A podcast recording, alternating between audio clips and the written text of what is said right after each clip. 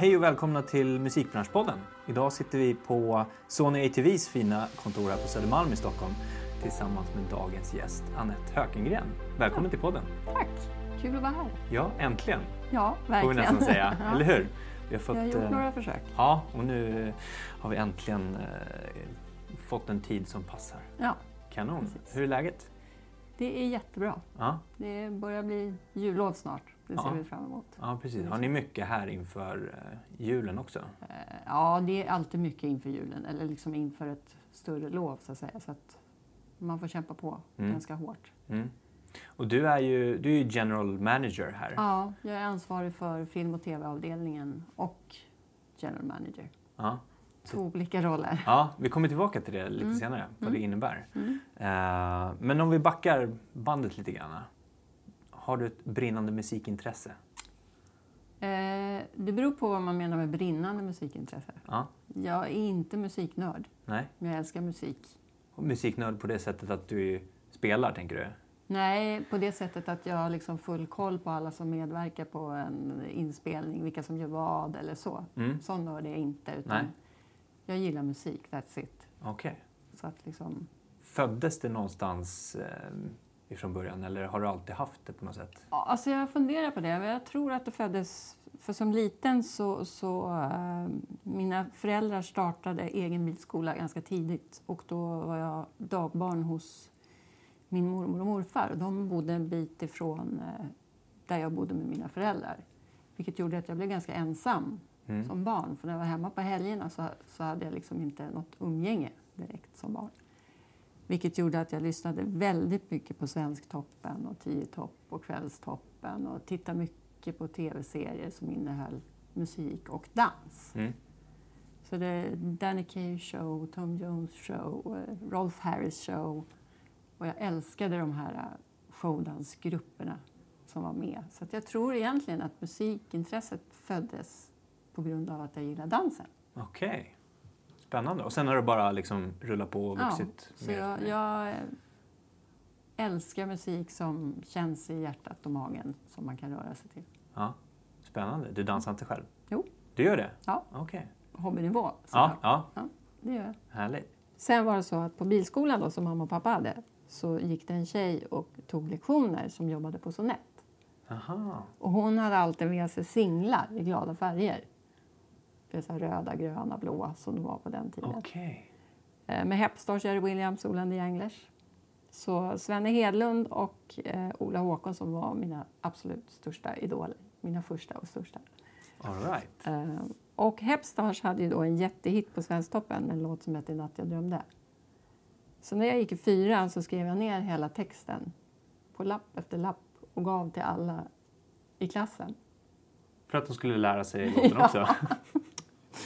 Så jag började tidigt med gratis promo. Ja, verkligen. Eh, så jag har lite bättre koll på rättigheter idag. Ja.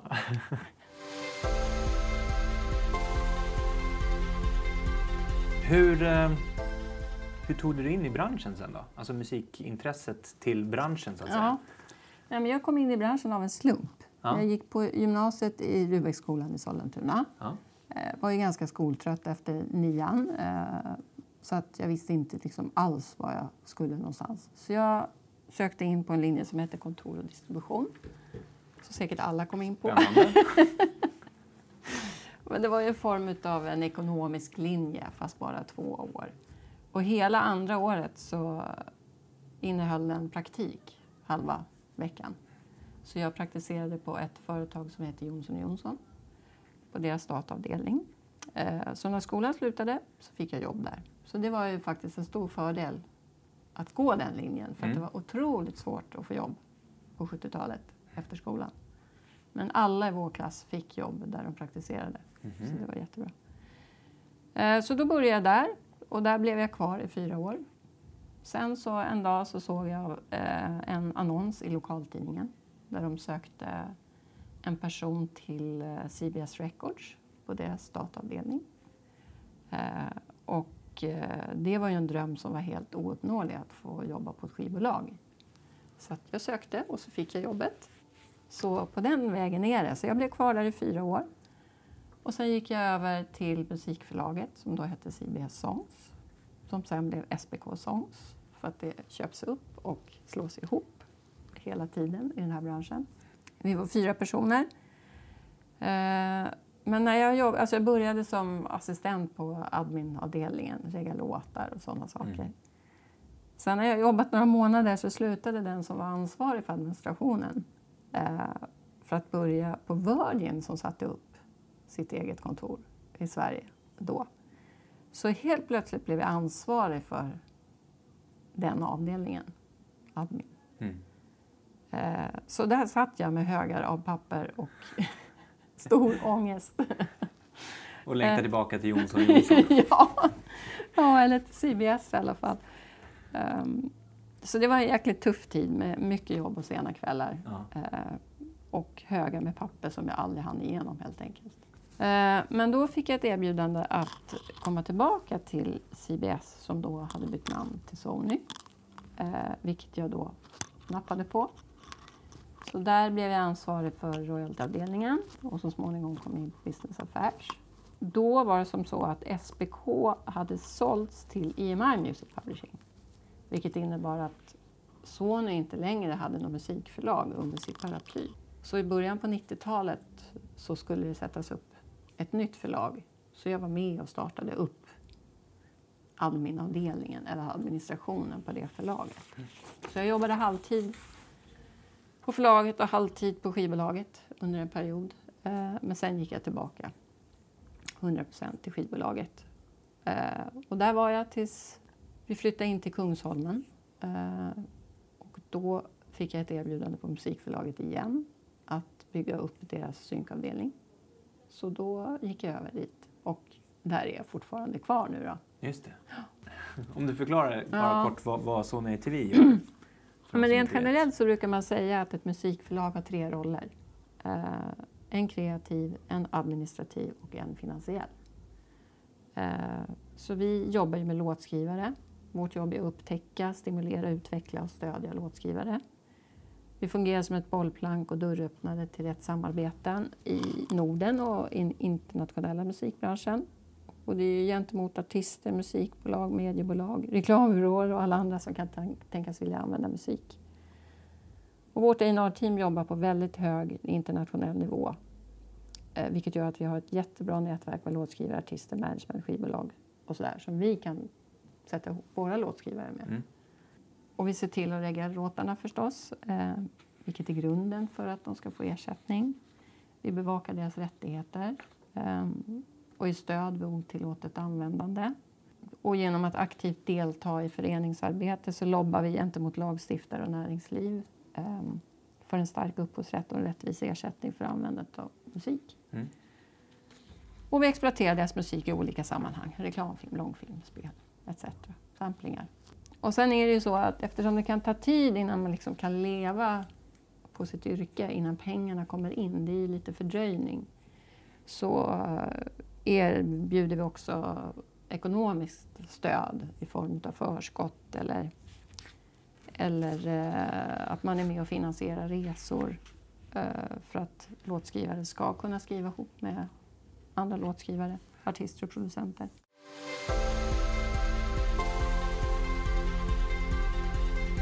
Du har ju haft en ganska otrolig resa i branschen. Vad har varit det allra roligaste Eh, alltså det jobbet jag har idag är ju grymt kul. Mm. Det är liksom eh, hela teamet här som...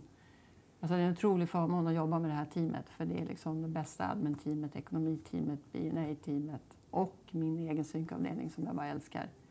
Så det, det är verkligen grymt.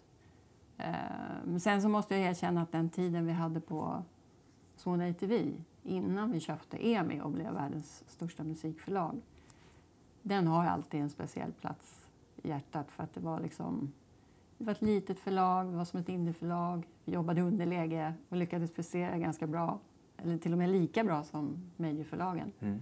i många fall. Så det var en otroligt rolig resa och väldigt utvecklande. Med stora utmaningar? Med stora utmaningar, ja. absolut.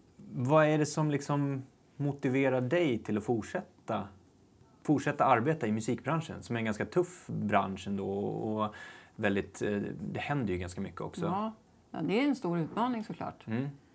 Nej, men jag brinner helt. Jag är väldigt engagerad i mitt jobb. Ja. Och eh, väldigt eh, engagerad i att se till att liksom, upphovsmännen kan leva på, sin, på sitt skapande och få rätt ersättning och eh, bibehålla upphovsrätten. Mm. För det, det, är liksom, det är det som är vår framtid. Mm. Utan upphovsrätten tror jag vi kan packa ihop. Faktiskt. ja, verkligen. Och, och det är ju grundpelaren i, Ja, i hela branschen, varför vi Ja. egentligen har en musikbransch. precis. Ehm, men och lite som du sa också, eh, kollegor. Att, att du får jobba Ja, med, med personer som också brinner för någonting. Precis. Vad är det som driver framåt då, om man säger så? Någon slags nyfikenhet kanske? Ja, det kan ju både vara en drivkraft och en frustration Ja, eh, med dagens musikliv som det ser ut idag. Ja. Men, eh, nej, men jag drivs nog utav liksom våra mål. Vi sätter ju mål här. Vi har ju budgetar att jobba emot. Och, och, och också liksom målet att, att försöka bidra till utvecklingen på något sätt. Och det gör jag ju genom mitt arbete i eh, STIMs styrelse och Musikförläggarnas styrelse. Eh, som också har väldigt kompetenta styrelser. Eh, musikförläggarna som drivs av Elisabeth som är en klippa. Och det är otroligt inspirerande att få vara del i den processen Mm. och i den här tiden som förmodligen kommer betyda väldigt mycket. Och vi skriver ju historia idag också med, med liksom metoo-rörelsen och, och vad det kommer betyda för jämställdhet. verkligen. Ja. Är det någonting också du brinner för, jämställdheten? Ja, absolut. Mm. Vi har ju yngre tjejer här på, på förlaget som, som är väldigt engagerade i jämställdhetsfrågor och eh, vi har ju många och långa diskussioner och funderingar på hur man ska kunna göra och sådär.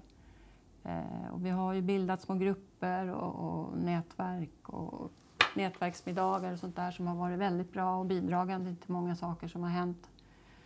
Men just det här med metoo är ju någonting helt annat. Det är verkligen, nu får vi möjlighet att få något att hända. Så det gäller ju att ta tillvara på den här chansen och vårda den ömt. Mm. Ja, men precis som du säger, att det är en chans. Jag tror att det är, eh, förhoppningsvis så är det ingenting som blåser över. Nej, Utan att det är så pass Nej. stort så att det behöver tas tag i verkligen på Precis. riktigt. Och, eh, jag tror vi alla har en ganska viktig roll i det. Precis. Eh. Nej, vi, vi måste ju ta tag i det så att säga och Mm. styra upp det själva såklart. Mm. Och eh, det är också viktigt att man är försiktig och inte liksom... Det får inte bli ett krig mellan män och kvinnor. Utan, Nej. Och man kanske inte ska se så mycket bakåt utan försöka se framåt. Liksom, vad kan vi göra framåt Mm. för att få en bättre värld?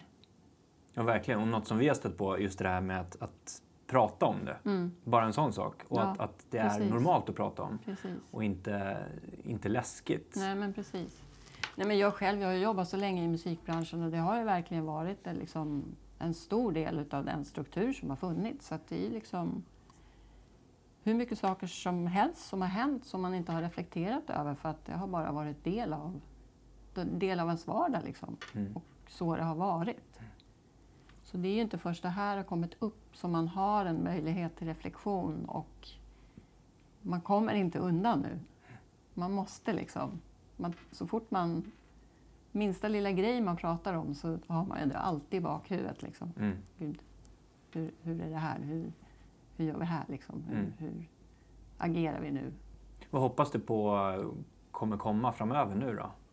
Nej, men jag hoppas att alla, alla, ja, hela näringslivet tar det här på stort allvar och verkligen seriöst försöker göra någonting åt det. Börja prata med personalen och politiker. Och det krävs förmodligen en lagändring för att man ska kunna anmäla och få folk fällda som, som begår brott, helt enkelt. Så Mm. måste man hitta strukturer för att alltså jämställdhetspolicies och planer liksom, som man kan följa och ha- förhålla sig till när sådana här saker händer så att personalen känner sig trygg med att liksom, de kan komma till oss i ledningen och berätta att det här har hänt. De kan känna sig trygga med att, att vi tar dem på allvar och agerar. Mm. Verkligen. Ja, men både aktörerna i branschen har ju ett jättestort ansvar och Ja. sen också vi som utbildare. Vi pratar om det här Precis. väldigt mycket också just att, Exakt. att eh, det behöver bli förändring för, från de som kommer in i branschen också. Nej men exakt, det Ehm. måste ner på Ja, verkligen. tidig nivå. Ja, både Verkligen. förutsättningsmässigt i branschen men också eh, de som kommer in med, med, eh, med, med nytt tänk, nytt, Ja. eh, nytt blod helt enkelt. Precis. Ja. Vilken är den bästa egenskapen som du anser dig ha just idag? Som du, liksom har, eh, som du har tagit med dig någonstans Ja. bakifrån? Envis, Envis? Mm. ger aldrig upp. Det är liksom min bästa egenskap och sämsta. Mm. Eh, nej, jag jobbar alltid in i kaklet helt enkelt. Och drivs av ett starkt engagemang och lojalitet. Mm. Vad har varit den viktigaste lärdomen då i din karriär hittills? Nej, men vara lyhörd, öppen för förändringar, nya utmaningar. Eh, försöka se lösningar istället för problem. Det är jätteviktigt. Man fastnar lätt i nej, varför är det så här? Mm, Jäkla mm. Eh, våga ställa frågor, våga ifrågasätta. Helt enkelt. Mm. Bra lärdomar, Ja, som du fortsätter med antar jag också? ja absolut. Ja. Finns det något sätt som du vill påverka andra med de lärdomarna? Jag tänker nya personer som kommer in i branschen eller nya anställda här på Du tänker- bolaget. på att du vill på något sätt Absolut. föra över det till dem. Ja, jag försöker ju förmedla det till min, mitt team såklart, Mm. eh, så gott det går. Och genom ledningsgruppens arbete till resten av personalen. Mm. Eh, absolut. Det är jätteviktigt. Mm.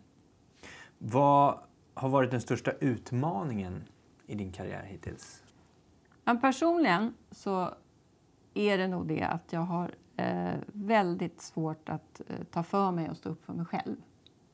Eh, jag gillar inte att stå i fokus, vilket nog har gjort att, att eh, jag har liksom föredragit mer tillba tillbakadragna roller Mm. Som inte syns och hörs så mycket. Eh, men jag har nog insett på senaste tiden, eller senaste åren, att, att man kan faktiskt leda eh, eh, i bakgrunden. Mm. Man behöver inte alltid synas och höras. Sen är det ju det här med upphovsrätten, det är en jätteutmaning. Det är verkligen... Det är någonting vi måste jobba jättehårt för, att ge alla förutsättningar att försörja sig på sin musik. Eh, för upphovsrätten är ju utsatt för utmaningar nu. Eh, både genom lagstiftning och nya affärsmodeller som, som erbjuder copyrightfri musik och sådär. Eh, jag tror på en jättestark kollektiv förvaltning. Jag tror det är det enda sättet att bibehålla värdet av upphovsrätten. Mm. Tyvärr så har ju lagstiftarna liksom förstört ett väl fungerande system för att främja konkurrensrätten, så att säga. Men det har nästan i stort sett resulterat i i ett tvärtom resultat. Det känns som det har blivit mer komplicerat för användarna av musik att, att liksom få licenser. Och... Sen är det också en utmaning att vara med och skapa en jämställd musikbransch. Vi har ju som sagt var tagit stora kliv med metoo, men, men eh, det är ju en jätteutmaning.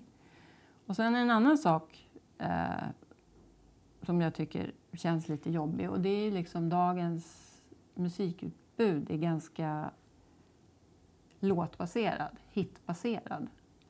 Så det finns en stor risk att, att eh, man tappar den musikaliska bredden och mångfalden. Så det måste skapas förutsättningar för den icke-kommersiella musiken att, att få leva. Mm. Att det mer smalnar av ju... Ja, det men gör ju med- det. Utbudet blir ju smalare och smalare. så att säga. Så Ja. att det är viktigt att man hittar en modell som kan främja eh, musikskapare som, som inte gör hitlåtar. Mm. Ja, verkligen. Och allt som du sa också där med tekniska utvecklingen. Ja. Att den, eh, den, alltså, upphovsrätten kommer ju verkligen få sina eh, törnar om man säger Precis. så och utmaningar att hänga med. Exakt. Precis. För det går inte lika snabbt att ändra en lag som Nej. det gör att komma upp med en ny plattform. Nej, exakt. Det går väldigt fort. Ja, eh, så det, det, det är ytterligare en utmaning. Mm. Då. Spännande. Har du haft några helt bakslag inom din karriär också? Som du liksom känner att... Alltså det beror på vad du menar. Nej, alltså det kan jag inte säga. Alltså vi jobbar ju dagligen med att pitcha musik till olika projekt och det är klart att det är deppigt Mm. när man inte placerar en låt eller att den hamnar någon annanstans. Eh, och sen så sitter vi i långa förhandlingar hit och dit och det är ofta som det inte liksom resulterar i någonting. Så det är väl en typ av bakslag men det är liksom del av vår var det. Eh, nej, så jag, nej, jag tycker inte att jag har råkat ut för några större bakslag faktiskt. Vad skönt. Ja. Eller så är det du som har sån positiv syn på det. Så att du inte ser det som bakslag egentligen heller. Ja, ja, så kanske. Ja, jag vet inte. Mycket Jag möjligt. har funderat, jag, jag kunde inte komma på någonting. Men om, om vi säger istället då, har du haft något projekt som du jobbat med eh, Mm. under din karriär som du känner nu i efterhand att tusan höll jag på med där? Eller varför, varför levererade jag på det där sättet? Ja, det finns det nog alltid kanske. Ja, inga som Men, du kommer men inga, på? inga sådana här jättefloppar. Nej, Det kan jag inte säga. och inget som du går och grämer dig för efteråt? Nej, jag, alltså, nej det tycker jag inte. Så jag hade nog inte kunnat göra på något annorlunda sätt, även om resultatet kanske inte blev vad jag hade hoppats på. Nej, Så att säga. Du ser det som en lärdom kanske också? Ja, absolut. Ja. Om vi går till det här med eh, tekniska utvecklingen då. Mm. Eh, har du något sätt att anpassa dig på eller förbereda dig på eh, vad som kommer så att säga? Ja, men vara beredd på den kommande tekniska utvecklingen. Det är, det är jättesvårt. Alltså. Man försöker läsa och hänga med så mycket man kan och Ja. gå på olika eh, seminarier och föreläsningar och hänga med så mycket i musikmedia och allt sånt. Men eh, Du är ingen så här högerhand-person som du bara förlitar dig på och säger så här, uppdatera mig kring det senaste. Eh, nej, det får man ju ta reda på själv. Liksom. Ja. Alltså alla här har ju någon form av specialkompetens. Eh, så att man kanske kan fråga vissa saker, vissa personer om vissa saker. Så, men men eh, vi har ju ingen direkt så här, IT-specialist. Nej. Det här med titlar. Mm. Ehm, branschen alltså den är ju så full av titlar och Mm. olika titlar. Och Olika bolag har olika titlar på Ja. samma roll Ja. och arbetsuppgifter. Och, Det är lite komiskt faktiskt. ja, verkligen. Och det är lite förvirrande nästan. Ja, Speciellt när man kommer in som ny. ja, jag förstår det. Eh, och har, har, du, har du någon relation? Hur påverkar liksom en, en titel dig? Alltså en titel i sig är inte viktig som sådan. Nej? Det, det är ju ett bevis på, alltså får man en ny titel så är det ju bevis på att andra har sett den och uppskattar den och det är ju positivt. Eh, men däremot så kan det ju ha betydelse liksom, i det dagliga arbetet hur man agerar gentemot andra eller vilken respons man får ifrån andra. Eh, och jag har nog inte liksom riktigt tänkt på svensk musikbransch som hierarkisk. Eh, men jag har nog insett att det kanske, det kanske är mer så än vad jag har velat tro. Speciellt med tanke på metoo och allt det som har hänt här nu. då. Eh, Så det är absolut lättare att få kontakt med människor på en högre nivå om man själv har en titel på samma nivå. Mm. Och eh, speciellt internationellt så är det lite lättare. Och speciellt om man är tjej. För din roll, eller din titel idag som, Mm. som du beskrev det, den, eh, den nya titeln då fick du Ja. för lite drygt ett år sedan? va? Ja, precis. ja. Eh, trivs du bra? Absolut. Ja. Det är ju liksom varje dag lär man sig något nytt så att säga. Så att, eh, jag försöker ju liksom hitta min roll i den nya rollen så Mm. att säga. Men eh, till stor del så innebär ju det att jag är liksom, så nöjdvis eh, representant i liksom, styrelser och extern musikbransch och när det gäller större frågor och sådana saker. Och jag hanterar större generella frågor på företaget som inte faller inom respektive avdelningsområde. Eh, område. Ditt dagliga arbete då, Mm. när du, när du liksom sitter och jobbar, mm. vad, vad jobbar man med då? Ja, men där är alltså, min roll är ju att försöka peppa och, och motivera mitt team att liksom prestera så bra som möjligt. Det är ju väldigt stort fokus på de kreativa avdelningarna eh, och vi förväntas att prestera bra. Så det, det, är, liksom, det är en svår roll att, att både peppa och motivera samtidigt som man ställer krav. Mm. Så det är ju någonting man försöker för, liksom, leva med Mm. varje dag. Eller vad ska man säga, inte leva med, men, men ja, försöka peppa teamet och se till att de gör så bra som de kan. Och det är jätteroligt. Mm. Det är ett grymt team och de är extremt duktiga på sitt jobb. Hur stort är teamet? Det vi, vi är totalt fem stycken med mig. Då. Mm. Så vi har en avdelning som jobbar med produktionsmusik som är sån musik som är specialskriven till film och tv som är pre-clearad. Så att man bara kan sälja den till fasta priser. Just det. Och sen så är vi eh, fyra som jobbar med den kommersiella sidan. Och så jag som är någon slags coach Mm. och försöker liksom leda och stötta. Och den kommersiella biten, den är väl mest intressant. Jag pratar jättemycket med studenter och, och personer som är liksom musiker och vill få ut sin musik Ja. och synka den Ja. på något sätt i, i tv-sammanhang eller vad det nu skulle kunna vara. Ehm, hur, hur går ni tillväga när ni hittar dem? Ni, ni Ja, vi har med- ett fantastiskt bra system där, där vi har liksom all musik deep-taggad. Så att vi kan söka på den musiken som kunden letar efter. Mm. På ord eller innehåll i musiken eller ja, årtal eller instrumentaler, female singer. Ja, Mm. Allt som, som man kan tänkas liksom behöva ha stöd av Mm. när man hittar musiken. Så det är inte så att artist eller låtskrivaren i det här fallet går till er och berättar att "Ja, men jag ser den här låten framför mig i en, i en tiden. eh, sån här eh, solnedgångsfilm, Ja. avslutning. Jo, absolut. Det sker dagligen. Det gör det? Alltså, och så ska vi- ni synka ihop det då med en, Ja, en sån produktion? Vi, vi får ju försöka göra Ja. det, så att säga. Och det är ju inte alltid så lätt för att det går inte att bestämma vilken musik som ska användas. Det Nej. vill oftast kunden själv göra. Mm. Eller, eller regissören Mm. eller producenten. Och hur kommer man in då som liksom, låtskrivare med sina låtar på ett förlag? Eh, det kommer in via A&R-teamet som då jobbar tillsammans med låtskrivarna. Mm. Eh, de jobbar ju dagligdags eh, och peppar och feedbackar på musiken de gör, sätter ihop dem med andra låtskrivare, artister. Och det gör de ju liksom både i Norden och internationellt och sådär. Eh, så när de tar fram musik eller skriver ny musik så kommer det in via A&R-teamet som skickar ut det till admin-teamet och till synk-teamet.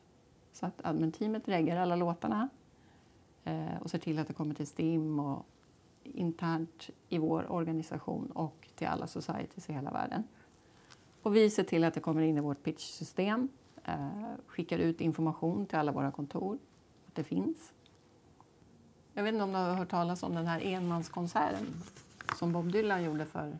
Ja, jag har hört talas Fredrik om den. Wilkinsson. Ja, precis. Nej, för det, det var jag. Jaha, It was my doing. okej. Nej, men för vi fick ett, eh, en förfrågan från ett eh, produktionsbolag eh, om vi hade någon stor känd artist som skulle kunna tänka sig att ställa upp på den här grejen. De hade ju någon typ av experiment Mm. eh, där man gör saker på egen hand. Eh, och då vet jag ju att liksom Bob Dylans management är ganska öppna för annorlunda saker. Så att jag mejlade dem och frågade om de skulle kunna tänka sig det och eh, de var på. Så det var ju helt fantastiskt. Shit, vad häftigt. Ja, det blev en helt fantastisk resa. Ja. Som i sin tur ehm, resulterade i eh, att jag placerade en Dylan-låt i Bron. Mhm. För Dylans manager är ett stort fan av eh, eh, Bron. Ja. Han tycker det är den absolut bästa tv-serien han någonsin har sett. Häftigt. Så han sa lite på skämt att ja, men nu får du liksom placera en låt i Bron. Ja, det kan jag väl göra. Det var inte så svårt. Det var bara att göra. Det var inte så svårt faktiskt. Eh, nej, men så det gjorde jag. Jätteballt. Så det var jättekul. Ja.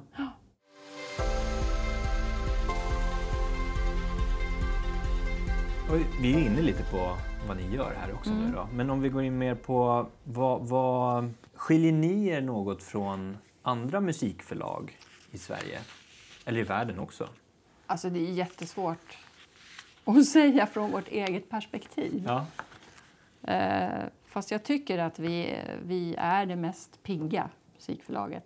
Ehm, och proaktiva. Mm.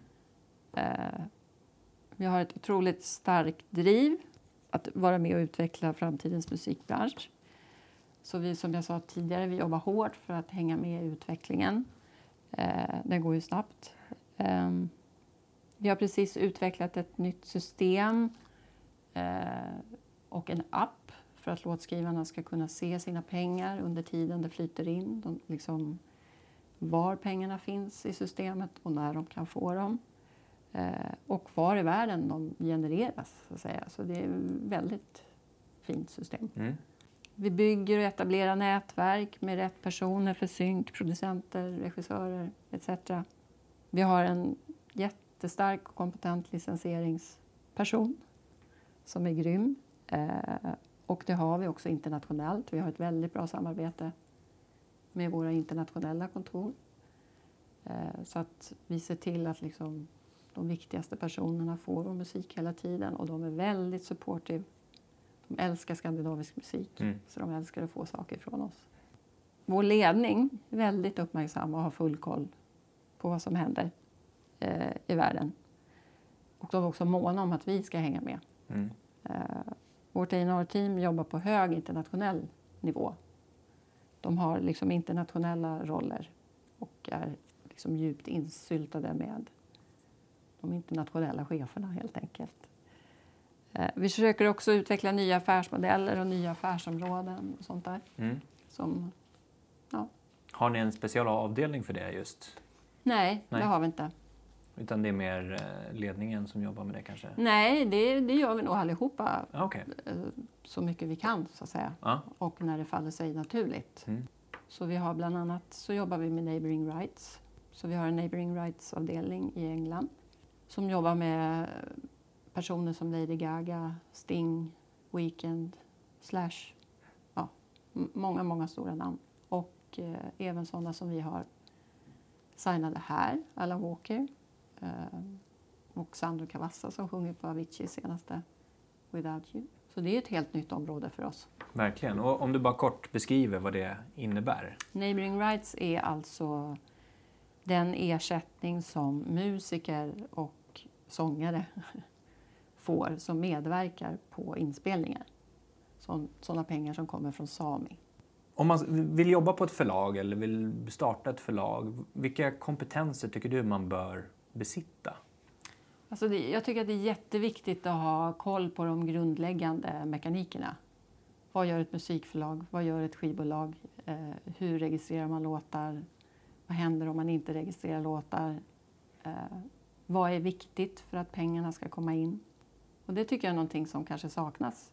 Hos förlagen just? Nej, inte hos förlagen kanske, men, men i musikbolagen generellt. Så, Ja. så, så, eller kanske mest skivbolagen faktiskt, eftersom i samband med teknikskiftet och Spotify och den digitala eran så var det mycket av de äldre personerna som jobbade som försvann och så kom det in ny, yngre eh, personal med en helt annan kompetens. Och i samband med det så tror jag mycket av den här kunskapen försvann. Mhm, Just det, föll mellan stolarna lite. Att, Precis. Ja, men nu ska vi bara fokusera på digitalt Precis. och framåt. Exakt. Så det tror jag skulle vara jätteviktigt, Mm. att man förstår det grundläggande. Mm. Ja, för det känns lite så när vi också har varit träffa människor i branschen och olika företag att man Ja. har den, den kompetensnivån överlag Mm. känns ganska låg Ja, eh, på något sätt. Precis. Och det känns ju som att det borde vara tvärtom. Ja, Eh, för det är så lättillgängligt. ja. Jo, men det, och det kan ju vara liksom, man kan ju komma i kontakt med managers och så, som, som inte förstår vad det egentligen handlar om. Ja. Och det blir lite problemat- problematiskt. Ja, speciellt nu, alltså, vi pratar ju alla så mycket om det här med value gap och Mm. försöka se till så att Youtube gör rätt för sig och liksom eh, förhandla vettiga affärsmodeller Mm. med upphovsmännen eller rättighetshavarna överhuvudtaget. Men då är det också jätteviktigt att metadatan är riktig. Mm. Och det vet jag inte om skivbolagen har koll på, hur viktigt det är och vad som händer om det inte finns rätt metadata. Det är väldigt lätt att bara stoppa in ett namn där upphovsmannens namn ska vara, bara Mm. för att kunna trycka iväg det till Spotify eller Youtube. Vad tror du blir... eh, Eller vad tro, hur tror du att man på bästa sätt kan, kan höja den Nej, kompetensnivån? men man måste ju... Dels måste man ju hitta system som, som eh, någon typ av ljudigenkänning antar jag för att säkerställa liksom att, att pengarna hittar fram. Mm. För nu bygger det på att informationen stämmer exakt med det som vi har registrerat. Som vi registrerar en låt med de här upphovsmännen, den här titeln. Och så, så skriver skivbolaget någonting annat i metadatan. Då blir det ingen träff. Nej. Då hamnar pengarna i ett stort hål och blir ett value gap. Ja. Så det, det är en jätteutmaning, men det måste vi lösa liksom för, att, för att alla ska kunna få sina pengar. Mm. Så då behöver man ju dels börja kommunicera ännu tydligare kanske också Ja. eh, kring vad problemen är Ja, och, och varför man ska lösa dem. precis. Och sen som vi också känner att men utbildning underifrån, både Mm. underifrån men Ja. att branschen själva internt behöver precis. utbilda sig. Ja, och det är viktigt att det är rätt, rätt folk på utbildningen, alltså rätt lärare, Mm. rätt eh, föreläsare som har liksom en förankring i branschen Mm. och Men- vet vad de pratar om. Precis, men samtidigt inte säger att så här har vi alltid gjort, så här kommer vi göra framöver. Nej, Så att precis. det går runt. Ja. Det blir ett problem i sig det Mm. också. Om vi eh, går in och tittar på tips till personer som vill på något sätt ta sig in i branschen. Mm. Har du tre stycken sådana tips att ge? Då tänker jag så här att eh, nätverka och lära känna människor i musikbranschen. I den mån det går såklart. Det kanske inte är helt enkelt om man inte är i musikbranschen. Men, eh, våga satsa, våga förlora. Försöka vara modig. Eh, eller orädd fast inte dumdristig. Eh, visa ambition, driv och engagemang. Lyssna lika mycket som man pratar. Eh, och sen är ju en bra inkörsport alla utbildningar som finns idag. Music Media och Musikmakarna nu då, om man vill bli låtskrivare och eran utbildning. Precis. ja, det finns Linnéuniversitetets Music and Event och sådär. Bra tips. Vad händer eh, för dig framöver nu då? Vad har du för spännande utmaningar? Ja, varje dag är en utmaning. Eh, just nu så jobbar jag på en ny stor musikal som är väldigt spännande. Mm? Inte helt enkelt att klära rättigheter och få ihop allting. Men eh, vi är en bra bit på väg. Mm. Så att det är en musikal som är vad ska man säga, under arbete just nu. Så den kommer inte sättas upp förrän kanske 2019 eller 2020 eller något sånt. Okej. Så det är väldigt lång framförhållning Mm. eh, i den delen. Och då blir ert arbete, eller ditt arbete, att eh, som du sa, klära rättigheterna till, musiken? rättigheterna, vi är också delaktiga som producenter. Eh, Till själva uppsättningen då, Ja, av precis. musikalen? Är det något Exakt. som sker här i Sverige? det är lite oklart ännu. Okej. Någonstans i Norden. Ja, Mm. spännande utmaning då. Ja, ja, det är det verkligen. Det är jättekul. Ja.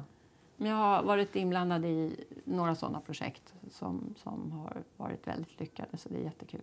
Nej, men en utmaning är ju liksom den nya lagen om kollektiv förvaltning Mm. och de konsekvenser den får. Mm. Eh, och möjligheten nu för rättighetshavarna att undanta vissa områden från den kollektiva förvaltningen. På vilket Det- sätt då? Undanta? Nej, men om man som låtskrivare till exempel är ansluten till STIM Mm.